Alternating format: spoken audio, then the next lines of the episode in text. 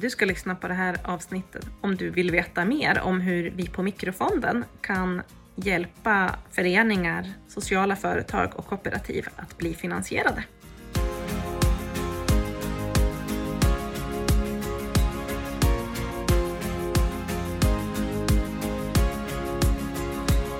Det här med att få ihop budgeten och hitta finansiering. Ja, det är inte alltid så lätt. Och ännu svårare har det visat sig vara för den som startar en ekonomisk förening och bestämmer sig för att gå till en vanlig storbank och be om lån.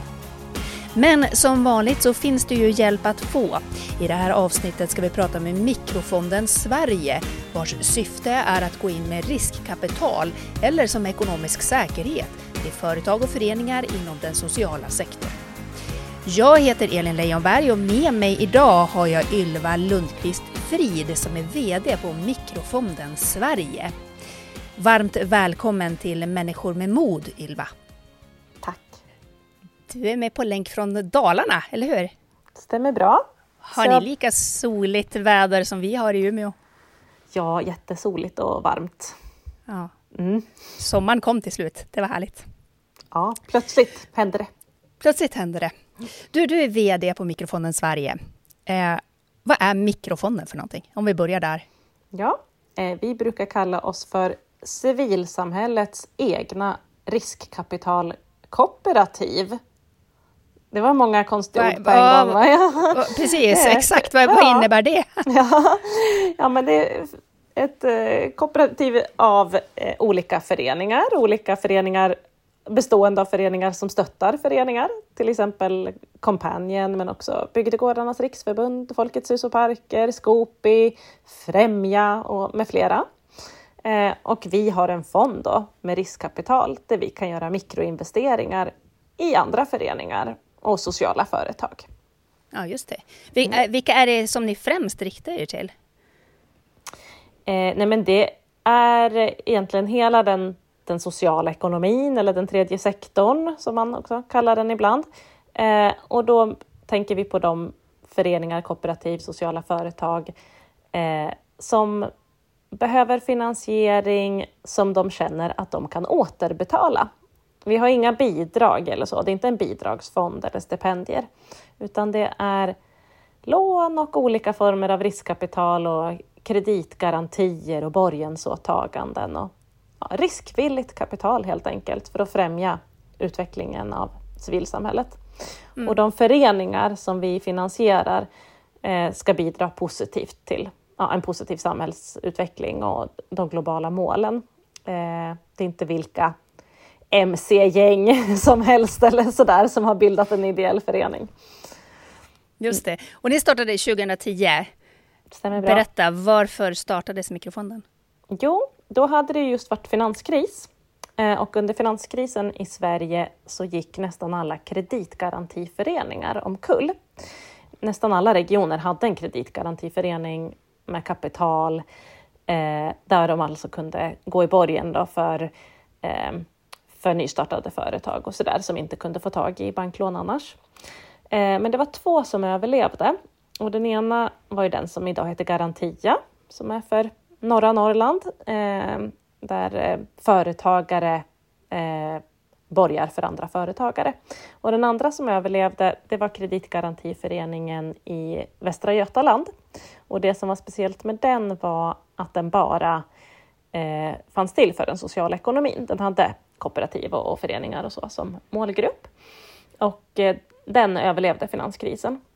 Och det kan man väl säga också generellt om man tittar på vår historia så har vi väldigt lite kreditförluster. Det här riskkapitalet, det har inte, det har liksom inte brunnit upp av de här riskerna vi tagit, utan det, det har klarat sig fint. Eh, men då i alla fall byggde vi vidare på den modellen i Västra Götaland. De hade redan en god relation med, med regionen och Göteborgs stad och, och sådär. Eh, och så startade vi den, största, den, den, den första mikrofonden eh, i, i väst och sen utifrån det så har vi byggt ett helt konsortium av sådana här fonder runt om i landet. Och jag är VD för Mikrofonden Sverige som är själva paraplyfonden för det här, det här konsortiet. Mm. Ja. Men vad, vad, är det som skiljer er från en bank då, förutom liksom att ni riktar er till sociala företag? Ja, det främsta är vi får inte ta in eh, lån från allmänheten. Folk kan inte spara hos oss, eh, privatpersoner. Och eh, vi ger heller inte ut något lån till privatpersoner eller så, utan vi jobbar egentligen absolut mest med, med andra finansiella erbjudanden än lån. Till exempel då kreditgarantier, att om det är en förening som behöver ett banklån och banken säger nej, eh, då kan vi gå in då och, och säga till banken att ja, men vi sätter in de pengarna hos er på ett låst konto och om, om den här föreningen inte betalar för sig eller går i konkurs eller någonting, då kan ni ta våra pengar. Och på så vis så kan de då få ett banklån och, och etablera en, en bra bankkontakt. Eh, men sen har vi också andra erbjudanden, till exempel då kan vi ju gå in i ekonomiska föreningar som investerande medlem eller de kan ställa ut en förlagsinsats till oss som också är ett riskkapitalinstrument. Va, va, vad är det för någonting? Ja, men det, det, är något speciellt vi har i den svenska lagen om ekonomisk förening.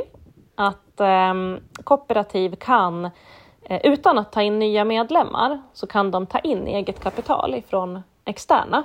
Ehm, och då som en förlagsinsats. Då.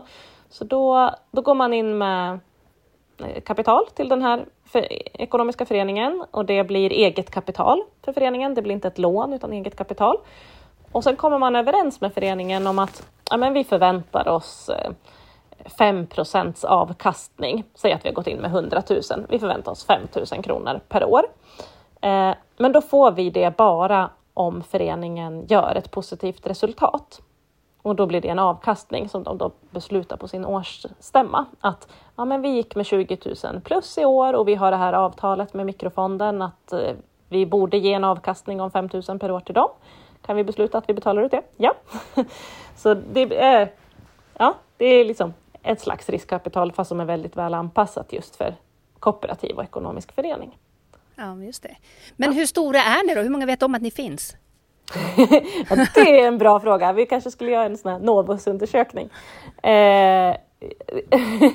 nej, men vi har ju gjort 140 investeringar sen startade vi upp i nu. Vi har fått ut 20 miljoner kronor till 140 föreningar runt om i landet de här 12 åren. Eh, och varje år blir vi kontaktade av cirka 80 föreningar och sen är det väl en 12-13 av dem som i slutändan får kapital från oss då. och de andra försöker vi stötta på andra sätt, att de kanske ska hitta rätt bidragsgivare eller eh, de behöver hitta en kassör som kan se till att de får lite bättre årsredovisningar och budgetar och sådär så att de kanske kan komma tillbaka igen året efter eh, eller så. Mm. Ja, men jag tänkte just fråga dig också, vad, vad det är som krävs för att man ska få hjälp av er? Ja, ja, det krävs inte mycket för att få hjälp. Man är alltid välkommen och, och kan kontakta oss och så försöker vi se vad som vi tror är den bästa hjälpen. Eh, men för att få finansiering, att vi ska stoppa in pengar, eh, så behöver man göra en ansökan och man behöver skicka in ja, men ungefär samma underlag som en bank skulle fråga efter. Alltså eh, om man har en affärsplan eller en verksamhetsplan eller något liknande, om man har en budget för kommande året, kanske lite om man har årsredovisningar från tidigare år och är det alldeles nystartat så kanske man istället skickar in CV för de som startar verksamheten så man får se lite vad de har för erfarenhet eh, och lite sådana papper och så analyserar vi det. Och ser allting bra ut, då är det kanske bara att vi godkänner ansökan.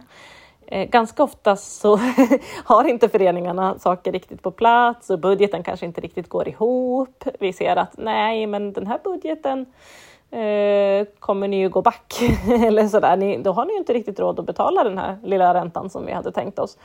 Och då kanske vi behöver jobba vidare tillsammans med Companion till exempel med ja, men hur kan ni utveckla era affärer? Hur kan ni få mer intäkter? Eller eh, ni kanske behöver minska lite utgifter någonstans och hjälpa dem att få till den här ekonomiska planeringen som, som behövs för att bli finansierad. Så man mm. blir det som det som kallas för att vara finansieringsmogen eh, om man pratar med ekonomer och finansiärer och så. Då. Eh. Men skulle du säga att det är samma krav som ni ställer som en bank ställer? Liknande, eh, förutom att vanliga banker eh, tar ju inte risker utan de kräver ju säkerheter. Och är ju, vi är ju ofta säkerheten om man säger så. så vi, vi gör samma typ av analys av om de verkar om föreningen verkar ha en återbetalningsförmåga, om de verkar vara ekonomiskt hållbara och sådär. Men sen så analyserar ju vi också om de är socialt och ekologiskt hållbara, tycker vi också är viktigt. Så det är ett extra krav vi har. Men sen banken frågar ju ah, vad har ni för säkerheter? Vilken fastighet kan ni pantsätta för det här då? Eh, eller skulle ordförande i föreningen kunna pantsätta sin privatbostad kanske? Eller sådär. Och ofta är det ju där eh, de tänker att oj då, vi behöver en kreditgaranti eller vi behöver en borgensman. Eh, och då hör de av sig till oss. Då börjar de googla och så hittar de oss.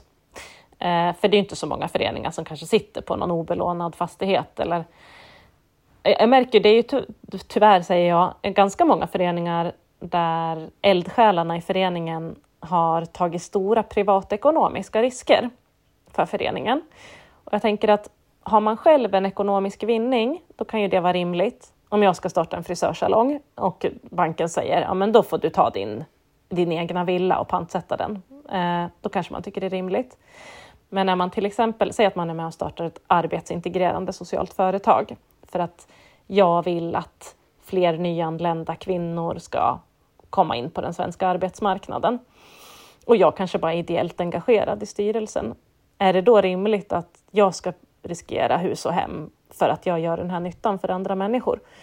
Eh, och då är det ju många föreningar, när de upptäcker att vi finns, då blir de väldigt glada att det kan vara föreningen som tar den här risken och betalar en liten ränta för det hellre än att ja, eldsjälen ska behöva ja, som sagt då, riskera hus och hem för att de gör en allmännyttig insats.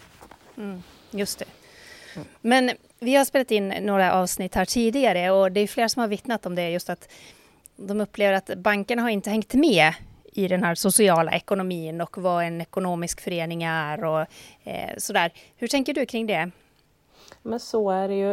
Eh, nej men vi upplever ju att det blir svårare och svårare med de stora affärsbankerna att överhuvudtaget, att överhuvudtaget få öppna ett konto och ännu mindre att kunna få ta ett lån. Och de är oftast heller inte intresserade av att samarbeta med oss, även fast vi är villiga att ta hela risken. Eh, så att vi brukar ju hänvisa kunderna till sådana banker som vi vet eh, vill jobba med föreningar. Och oftast är ju det eh, ja, de kooperativa bankerna som finns i Sverige. De lokala sparbankerna kan ibland ha bättre kunskap om vad en förening är och alltså en sån sak som att göra eh, prövning av verklig huvudman till exempel är en sån sak som många föreningar har inte en verklig huvudman. Då säger banken bara nej. Men då informerar vi om att nej men, eh, då kan man ha en alternativ verklig huvudman och det är ordförande i föreningen och så gör vi prövningen på den personen så går det bra. Eh, eller en sån sak som att ta en kreditupplysning eh, på ett aktiebolag så banken gör ju alltid en kreditupplysning och så från då, om, har man ett aktiebolag då får man en rating. Ja, det är så här stor risk och de har betalningsanmärkningar eller inte och så vidare. Men med föreningar, särskilt ideella föreningar som inte rapporterar in data till någon myndighet, då får man ju ingen information alls. Man ser inte vilka som sitter i styrelsen eller så. Och då säger ju de flesta bankerna som inte jobbar med föreningar, de säger bara nej, det här går inte. Men vi har ju processer för att göra det. Då, då tar vi och tar reda på vilka som sitter i styrelsen och så ringer vi Kronofogden och kollar och sådär och gör den analysen själva. Men det är mycket extra jobb och det minskar ju lönsamheten. Och är det en eh, vinstdrivande affärsbank så kanske de inte prioriterar samhällsnytta före vinst. Eh, så då mm. säger de nej. Mm, så det gäller att hitta rätt samarbetspartners helt enkelt. Mm. Vi pratade i förra avsnittet med OK Västerbotten som mm. en ekonomisk förening eh, och de hade svårigheter att få kredit hos mm. banken just mm. för att de var en ekonomisk förening. Just det. En så stor och etablerat företag. Visst är det märkligt? Precis. Ja, jo, det är lite lustigt. Man tänker att de, de om några borde väl kunna få. Ja. Eh, men banken gör ju massa antaganden. Skulle du säga att de, att de stämmer då? Är det riskabelt att investera i en ekonomisk förening? Nej, det är ju något som vi, alltså om man säger en myt som vi försöker hjälpa till att motbevisa. Eh, det kan ju framstå som riskabelt om man inte vet hur man ska analysera risken. Eh, men eh, ja, just det här att vi gjort 140 investeringar och haft jättefå och små kreditförluster genom åren. Eh, vi har jämfört oss med, med Almi till exempel, då, som de stöttar ju också start av företag och eh, de ligger på ungefär 5 procent eh, kreditförluster per år och vi har under 1 procent. Så det visar ju, det finns mycket forskning också om det, om att föreningar har längre överlevnad än vad kommersiella bolag har. Och egentligen är det ganska, när man tänker på det, är det ganska intuitivt varför det, det är så. För en förening, ofta är det ett helt gäng eh, personer som driver något tillsammans. Och även om eldsjälen skulle bli sjuk eller liksom försvinna av någon anledning, då finns det oftast fortfarande ett gäng kvar som ändå vill jobba vidare. Ehm, men så ser det kanske inte ut. Har man ett privat bolag och nej, men nu vill jag byta jobb, då lägger man ju ner bolaget. Så det är ju det är inte så märkligt. Under pandemin också, då var vi ju lite oroliga. Hur ska det gå för oss? Ehm, men det var också jättelite förluster. Och då såg vi ju hur föreningarna faktiskt jobbar. Att, ehm, för de drivs ju av ja, att de vill skapa samhällsnytta. Och då är de ganska flexibla i hur de jobbar. Att, ja, men när det går att tjäna pengar, det är klart, då anställer vi folk. Men nu gick det inte att tjäna pengar, ja, men då driver vi det här ideellt eh, under pandemin eh, i lite mindre skala. Och sen när pandemin är över, ja men då kan vi anställa folk igen. Eh, och det är ju, så kanske man inte är man ute efter att tjäna pengar och så ser man, nej men nu går det inte att tjäna pengar, ja men då kanske man lägger ner och gör något annat istället. Så att, eh, ja, man, man förstår att de är ekonomiskt hållbara, ofta de här föreningarna. Och de är också ofta eh, väldigt tveksamma inför det här med att ta lån och riskkapital. De gör det bara om de verkligen behöver. Men vi tycker att ibland så kanske man skulle våga lite mer och våga tänka lite utanför ramarna. Alltså fråga sig, skulle vi kunna skapa ännu större samhällsnytta om vi fick tag i lite mer pengar? Till mm. exempel. Mm. Mm. Men kan det då vara pengar för att man till exempel vill anställa? Det kan det ju vara. Mm. mm. Om, om kalkylen visar att om vi anställer ytterligare någon så då har vi råd med både att anställa den och eh, ja, att betala lite ränta. Mm. Eh, då kan det vara bra att göra den satsningen. Mm, just det. Eh, är det liksom vanligt att ni är en del av eh, en finansieringsplan eller är det ofta så att ni är den enda investeraren? Nej, vi är ofta en pusselbit skulle jag säga. Ja. Mm. Eh, till exempel eh, ja, men om jag ska ge några exempel, då, så många föreningar som får stöd från EU till exempel, då håller ju ofta EU på 20 procent av finansieringen. Så föreningen kanske har beviljats ett bidrag om en miljon, men de ska betala allting och slutrapportera eh, när de har fått 800 000 och sen får de de sista 200 000 efteråt. Då. Hur, hur ska det gå till egentligen? Då ska man ha en förening som har 200 000 i sparpengar. Det är ju inte jätte... Alltså det finns ju gamla etablerade föreningar som har det, men när man är lite yngre och mindre förening så funkar inte det. Eh, till exempel inom Lider. Då. Så vi har ganska många fall där vi har gått in antingen med förlagsinsats eller garanti för banklån för att man ska kunna driva Lider-projekt. Eh, så det är ju ett sånt Vad är exempel. Leader-projekt för någonting? Ja, det är ju EUs landsbygdsprogram lokalt ledd utveckling om man vill utveckla sin by där man bor. Eh, så kan lokala föreningar söka pengar. Ja, men just det. Mm. Mm. Men du, jag vet att ni jobbar, det, det, är ju så att väldigt mycket av kapitalet flödar till män. Ja. Ja, och ni försöker motverka det här lite grann. Ja, men precis. Särskilt Berätta. när det kommer till eh, riskkapital. Eh, så tyvärr, det finns ju siffror på att det bara är en procent av riskkapitalet i Sverige som går till kvinnliga företagare. Och även Almi har ju ganska deppiga siffror.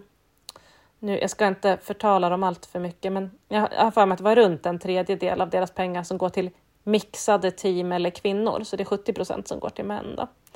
Ehm, um, Medan för oss är det 60 procent av de investeringar vi gjort, både i pengar och i antal investeringar som har gått till kvinnliga sökande. Ofta så vi jobbar ju nästan bara med mixade team. I en förening så är det oftast både kvinnor och män, om det inte är någon särskild kvinnoförening eller sådär. Eh, men att den som vi har kontakt med, som kanske är verksamhetsledaren eller, eller så, då, ekonomiansvarig, är kvinna. Eh, och det här är ju viktigt såklart. Vi, vi jobbar ju för eh, globala målen och jämställdhet är ju ett av de globala målen Eh, som vi tycker är väldigt viktigt. Så att då, om vi kan bidra till att ändra på vart pengarna flödar, att det blir mer jämställt, så vill vi gärna göra det. Och vi vet ju också att eh, den sociala ekonomin och kooperationen är ju mer jämställd än alltså, näringslivet i stort. Eh, så att genom att se till att pengar satsas i social ekonomi och kooperation så bidrar ju det också till att sektorer som i sig är mer jämställda ja, kan utvecklas på ett bra sätt. Mm, just det. Men det här är ett aktivt beslut ni har tagit, liksom att ska, ni ska försöka ha 50-50 eller är det så att det per automatik har blivit fler kvinnor som söker? Ja, nej, det är egentligen, jag ska säga att vi analyserade det här första gången 2019 tror jag, eh, efter nio år då, och var lite nervösa. Hur dåliga eller bra är vi själva? Och så visade det sig att vi är väldigt bra och då är vi stolta över det och har kommunicerat. Och sen dess har vi ju fört statistik också så vi har koll på att vi inte liksom börjar svänga över till att ja, bara investera i vissa grupper eller sådär. Mm. Men hur gör ni det här då? Räcker det med en slags medvetenhet eller handlar det mer om aktiv kvotering? Att det ska vara så här många kvinnor? Liksom? Eh, eller hur, hur jobbar ni? Jag tror att det kan vara sättet vi kommunicerar. Vi har ju haft ganska mycket kvinnliga ledare inom mikrofonden också. Flera kvinnor som är fondförvaltare regionalt och styrelseordförande och så här. Och det tror jag är viktigt i, i mötet med kunder och, och potentiella eh, ja, investeringsobjekt. Eh, men också tror jag själva eh, själva vår verksamhetsidé med att eh, gynna en socialt hållbar utveckling ja, är nog attraktiv också för, för många kvinnor. Till exempel så har vi ju ganska mycket idéburen välfärd i vår portfölj också. Till exempel föräldrakooperativ och, och sådana eh, verksamheter. Och det, ja. det är den typ av verksamhet som kvinnor oftare driver faktiskt? Precis, det är ja. så det är. Precis. Mm. Men vad tänker du? För, jag menar, det är helt orimligt att 1% av riskkapitalet går till mm. kvinnor, oavsett mm. vilken bolagsform du har. Eh, hur tänker du att man ska komma till rätta med det? Har du, ja. några, har du några funderingar? Ja, och det sorgliga är att det blir som en um, ond spiral där då män har mycket mer förmögenhet och sen så investerar de i andra män. Uh, och vi försöker erbjuda ett alternativ då för investerare att de kan placera pengar i våran fond som har en annan logik. Eh, en glad nyhet bara den här veckan är eh, att eh, Ferd, som är ett stort eh, kapitalförvaltningsbolag i Norge, som är ehm, H. Andersen, eh, en, en av Norges rikaste eh, män, eh, har gått in och investerat i i mikrofonden och han brinner ju för det här med arbetsintegration och sånt som vi jobbar mycket med.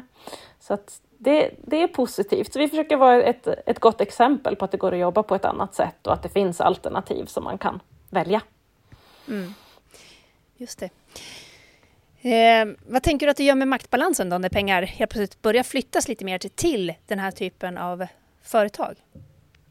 Sociala ja, men, företag? Ja, men det bidrar ju till en mer hållbar utveckling och både, alltså både ekonomisk, social och ekologisk hållbar utveckling. Alltså den här, den här sättet att driva företag är ju egentligen bra för hela samhällsekonomin med, med företag som inte är lika liksom, känsliga för konjunkturnedgångar och som har ett fokus på att skapa samhällsnytta snarare än att eh, berika enskilda och och så här. Så att eh, det, det, har ju en positiv inverkan på, på många sätt, eh, skulle jag säga. Och sen tycker jag också att det är viktigt det här, annars så ja, i samtalet om att kvinnor får så liten del av riskkapitalet så är det mycket fokus på att kvinnor ska bete sig mer som män. De ska vara, ha liksom, ta större risker och, och vara lite mer buffliga och, och liksom eh, begära ännu mer kapital än vad som egentligen behövs och sådana här saker. och det vill jag ju ifrågasätta, för då är ju också frågan liksom, eh, får jämställdheten alla de positiva effekter det skulle kunna ha? Jag skulle ju hellre se att den ohållbara finansmarknaden blir mer feminin då, om man får vara lite stereotypisk i, i, ja, på så sätt att det, eh, den blir mer omsorgsfull och mer långsiktig och mer hållbar och, och sätter ja, people, planet and profit, eh, de tre pena lite mera jämlikt än att bara se på profiten. Då. Mm, ja, precis. Men det jag tänker är så här, om man, om man då redan har startat ett företag Mm. Eh, man är kanske en, två personer, men ett litet företag. Liksom. Och så har du en enskild firma eller du har startat ett aktiebolag eller någonting sånt och du tickar på där. Men du är inom den sociala sektorn så att säga och kanske inte har som mål att maximera din tillväxt. Det är liksom, det ska, företaget ska gå runt och det ska liksom finnas bra ekonomi för företaget. Men målet är inte att maxa tillväxten på något sätt, vilket ändå är normen mm. nu i samhället. Kan man få hjälp av er då också eller måste man vara en ekonomisk förening för att få hjälp av er? Nej, men det går bra. Eh, Vår senaste investering här var eh, en lanthandel eh, utanför Härnösand. Det är två kvinnor som har startat ett aktiebolag och de äger 50-50. Eh, och eh, ja, deras främsta syfte är ju inte att de kommer bli så rika på det här, utan främsta syftet är att den här byn ska kunna leva och frodas och utvecklas så att de som bor där inte ska behöva köra så långt för att få tag i mat, att de äldre och ungdomarna och de som inte har bil också ska liksom, ha en bra tillvaro där. Eh, och det tycker vi då att enligt vår definition av socialt företagande och samhällsnytta, att det är bra. Och vi är också glada att då kunde vi vara en dörröppnare, att vi, vi var de första som sa ja till de här kvinnorna eh, och då vågade andra finansiärer komma med på, på tåget. Då. Så då kunde vi vara en dörröppnare och också få andra att investera i det här. Mm. Så, så, så, jobbar vi gärna. Men hur tänker du man ska, hur ska man jobba för att det här med att inte maximera tillväxt eller att driva en ekonomisk förening och liksom ha andra värden än tillväxten för att det ska bli mer accepterat? Det är ju verkligen inte normen just nu. Nej, alltså vi är ju lite så här. Eh, vi, vi försöker ju få in, om man tänker, man, man pratar ju om eh, icke, icke vinstdrivna eh, verksamheter. Då brukar vi försöka få in oss föreningarna att här, ni ska ju maximera vinsten. Det är bara det att ni ska inte dela ut den. Ni ska inte ge bort den till någon annan, utan ni ska försöka få så mycket vinst ni bara kan. Och sen ska ni återinvestera den vinsten i, i samhällsnytta. Och det kan ju vara samma sak med med tillväxt, att man behöver ju inte fundera på tillväxt i termer av ja, hur man kan maximera sin vinstutdelning, utan man kan ju tänka på tillväxt som hur kan vi maximera den samhällsnytta som vi vill åstadkomma? Och för vissa kanske det är att eh, ja, man vill ha en god lokal utveckling på orten där man bor. Men för andra kanske det handlar om, ja men säg att man jobbar med arbetsintegration, det här jag nämnde tidigare, att fler utrikesfödda kvinnor ska snabbare kunna komma in på arbetsmarknaden. Ja, men då kanske vi faktiskt vill, eh, även om vi inte är så intresserade av att tjäna pengar, så kanske vi vill att så många kvinnor som möjligt ska få ta del av det här och då kanske man vill liksom växa av den anledningen. Eh, så, så lite den filosofin har vi. Men sen är ju vi, vi är väldigt accepterande mot att ja, men vi är en grupp, eh, säg till exempel många musikband som är kooperativ idag. Eh, nej men vi har ju inte tänkt starta tio nya rockband, utan det är ju för att vi ska kunna finnas och ha spelningar ibland. Och det tycker vi är helt fine. Det är inte som att jo, men då måste ni ha en, eh, trum, en blåsorkester också för att växa. Liksom. Um, ja, nej, men, men och det är väl lite klurigt såklart med, med andra finansiärer som tycker att det ska vara sån fokus på tillväxt. Mm. Um, för det är ju väldigt många, både i bankvärlden faktiskt, eh, är det allt fler röster och även forskare som eh, kritiserar hela den här och menar att det finns inte grön tillväxt. Vi kan inte mm. alltid bara växa, växa, växa, utan det måste få finnas det lilla. Liksom. Precis. Och jag tänker att eh, de här eh, ansvarsfulla verksamheterna ska ju växa på bekostnad också av det här gamla sättet att jobba med och förstöra naturresurser och, och slita ut människor och miljö. Mm. Så att eh, vi ska ju byta ut det, mm. så att säga. Mm. Men du, tiden går fort. Så mm. avslutningsvis då.